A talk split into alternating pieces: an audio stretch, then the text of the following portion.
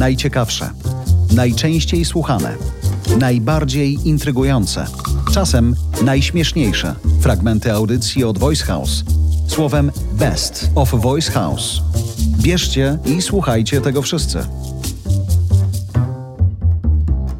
Brand Book, Karolina Chytrek-Prosiecka i Jarosław Kuźniar. Myślałam, że będzie nudno jak na rybach, ale podcast o wędkarstwie w życiu nie byłam na rybach. Wciągnął mnie tak, że aż sama byłam zaskoczona, że w ogóle jestem w stanie słuchać czegoś Widzisz, takiego. to jest największa tajemnica, największy talent podcastu, to jest to, żeby umieć opowiadać historię. Tak. A ponieważ dźwięk daje o wiele więcej, paradoksalnie, dźwięk daje tyle samo możliwości, co czarno-białe zdjęcie czasami. Ono Otwiera wyobraźnię, prawda? Dokładnie. Mhm. Mówi więcej niż kolor. On mówi więcej niż obraz. Tylko trzeba umieć mówić. A polskie podcasty w sporej ich części, niestety, one są trochę jak z YouTube'em na samym początku, czyli każdy może, więc czasem to nie jest mikrofon, tylko dyktafon w telefonie i staje się to podcastem. Super. Natomiast wydaje mi się, że tutaj na tym poziomie dojdzie do dużego przyspieszenia, czyli jednak szczególnie słuchacze będą szanowali swoje uszy i będą dbali o to, żeby to było po prostu dobrze nagrane, też niezależnie od talentu mówiącego. Poza tym, wiesz co, często to jest tak, że to jest taki wolny strumień świadomości. Jednak do dyskusji musisz się przygotować, musisz wiedzieć, co chcesz temu słuchaczowi powiedzieć. Tak? Każda improwizacja jest najlepsza w momencie, kiedy jest Zaplanowana. zaplanowana.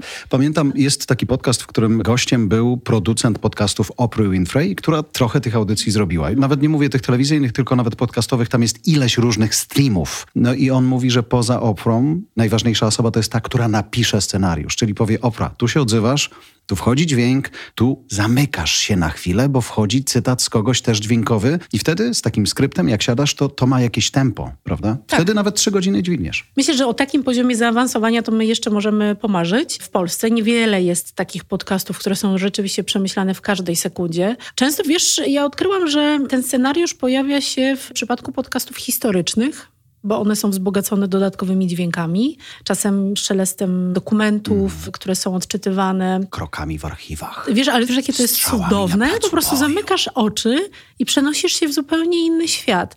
Ty byłeś człowiekiem radia, ja byłam zawsze człowiekiem telewizji.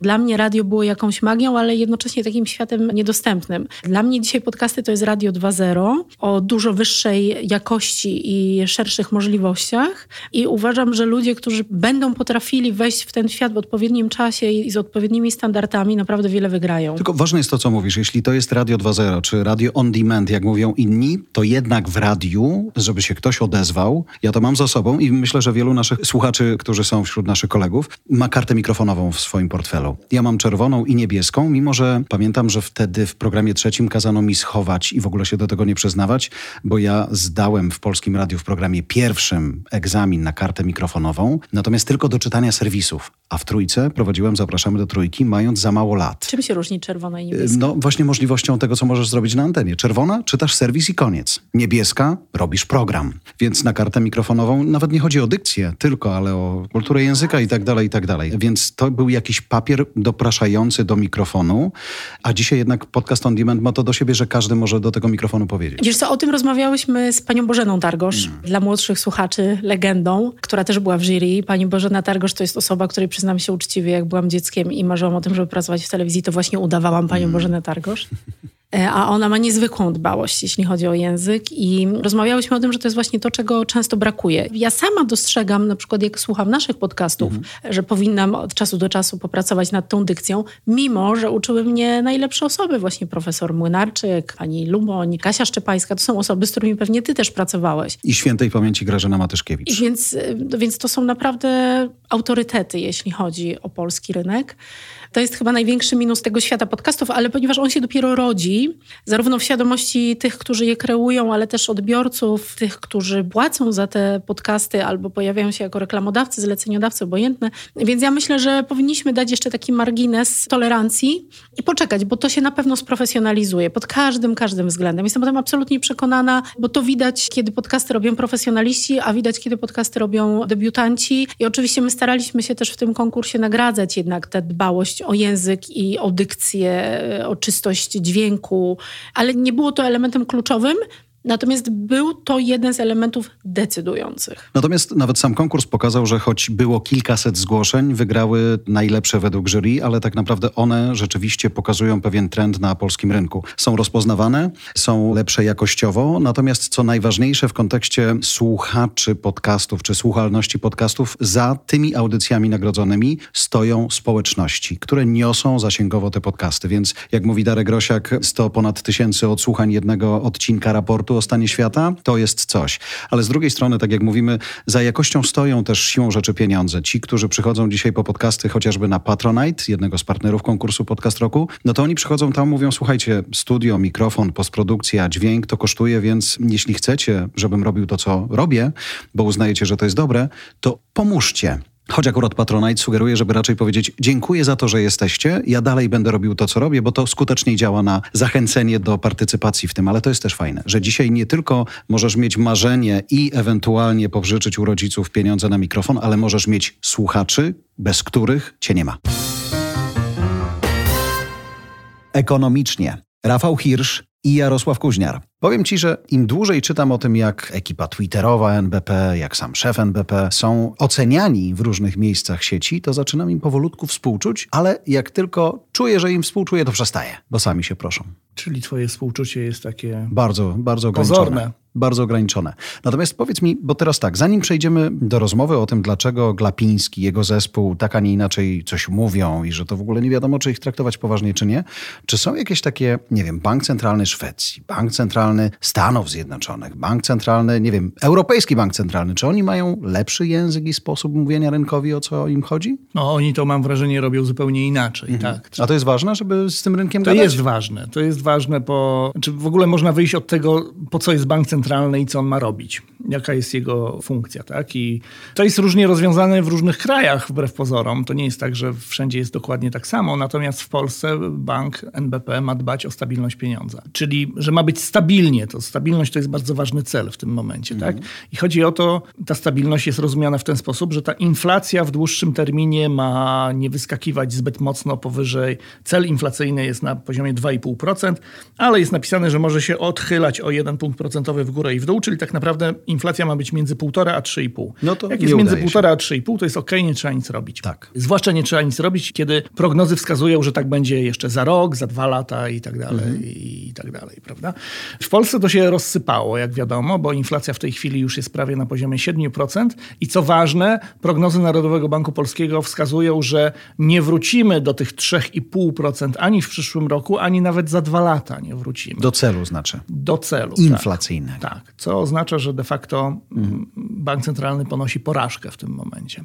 Co też nie jest jakoś specjalnie karygodne, bo to się zdarza wielu bankom centralnym, zwłaszcza, że ta inflacja jest wyjątkowa, bo jest popandemiczna. popandemiczna i trudno było to przewidzieć i właściwie jak spojrzysz na prognozy rynkowe ekonomistów z rynku jeszcze z wiosny tego roku, to oni też się nie spodziewali, że w listopadzie będzie prawie 7%. Nikt tego nie odstawił. To nie jest błąd Adama Glapińskiego, który myślał inaczej niż wszyscy, bo nikt nikt nie zakładał, że będzie 7% inflacji w Polsce już pod koniec tego roku. Tak? Natomiast powstaje pytanie, dlaczego ta inflacja jest tak wysoko i dlaczego tak wysoko będzie się utrzymywać, bo dlaczego jest tak wysoko, to wiadomo, no bo tak jak Ale dlaczego aż dwa lata będzie tak wysoko? To jest inne. Dlaczego nie spadnie, mhm. prawda? Już no. za chwilę. No dobra, ale rozmawiamy o komunikacji NBP. Tak, Czy gdyby do, NBP inaczej mówił, to by było łatwiej? Tak, właśnie, dokładnie o to chodzi, że komunikacja Banku Centralnego jest bardzo ważnym instrumentem w rękach Banku Centralnego, ponieważ bardzo bardzo wielu ekonomistów zgadza się w tym, że inflacja może urosnąć z bardzo wielu różnych powodów, natomiast jeśli te powody przejściowe są przejściowe, to powinna szybko wracać z powrotem niżej, chyba że po drodze, jak to oni mówią, nie wiem czy to ładnie brzmi czy nie, odkotwiczą się oczekiwania inflacyjne. Mhm. Czyli nie 3,5, ale lecimy. Bo jak się odkotwiczą... A się odkotwiczyły. A się wygląda na to, że się odkotwiczyły, to wtedy istnieje bardzo duże ryzyko, że powstanie tak zwana spirala inflacyjna. Tak? Bo jak masz odkotwiczone oczekiwanie inflacyjne, to znaczy, że oczekujesz, że będzie drożało wszystko. A jak oczekujesz, że będzie drożało, no, no to... Są tacy, chcesz... którzy podniosą ceny celowe, bo skoro ludzie tak, wiedzą, jeśli że jest przedsiębiorca, więcej... który oczekuje, że będzie drożało, że jego konkurenci podnoszą ceny towarów, że jego koszty będą będą rosnąć, bo ceny materiałów, surowców będą drożeć, to łatwiej jest mu podjąć decyzję o tym, żeby podnieść ceny, ponieważ kiedy inflacja nie rośnie, to wtedy bardzo trudno jest taką decyzję podjąć, bo to jest ryzyko, że wypadniesz z rynku i stracisz klientów na rzecz konkurencji, która nie podniesie cen. Ale jak widzisz, że wszyscy podnoszą, no to odkotwiczają ci się te oczekiwania i wtedy też zaczynasz podnosić. A z drugiej strony gospodarstwa domowe, jak widzą, że wszystko drożeje, to też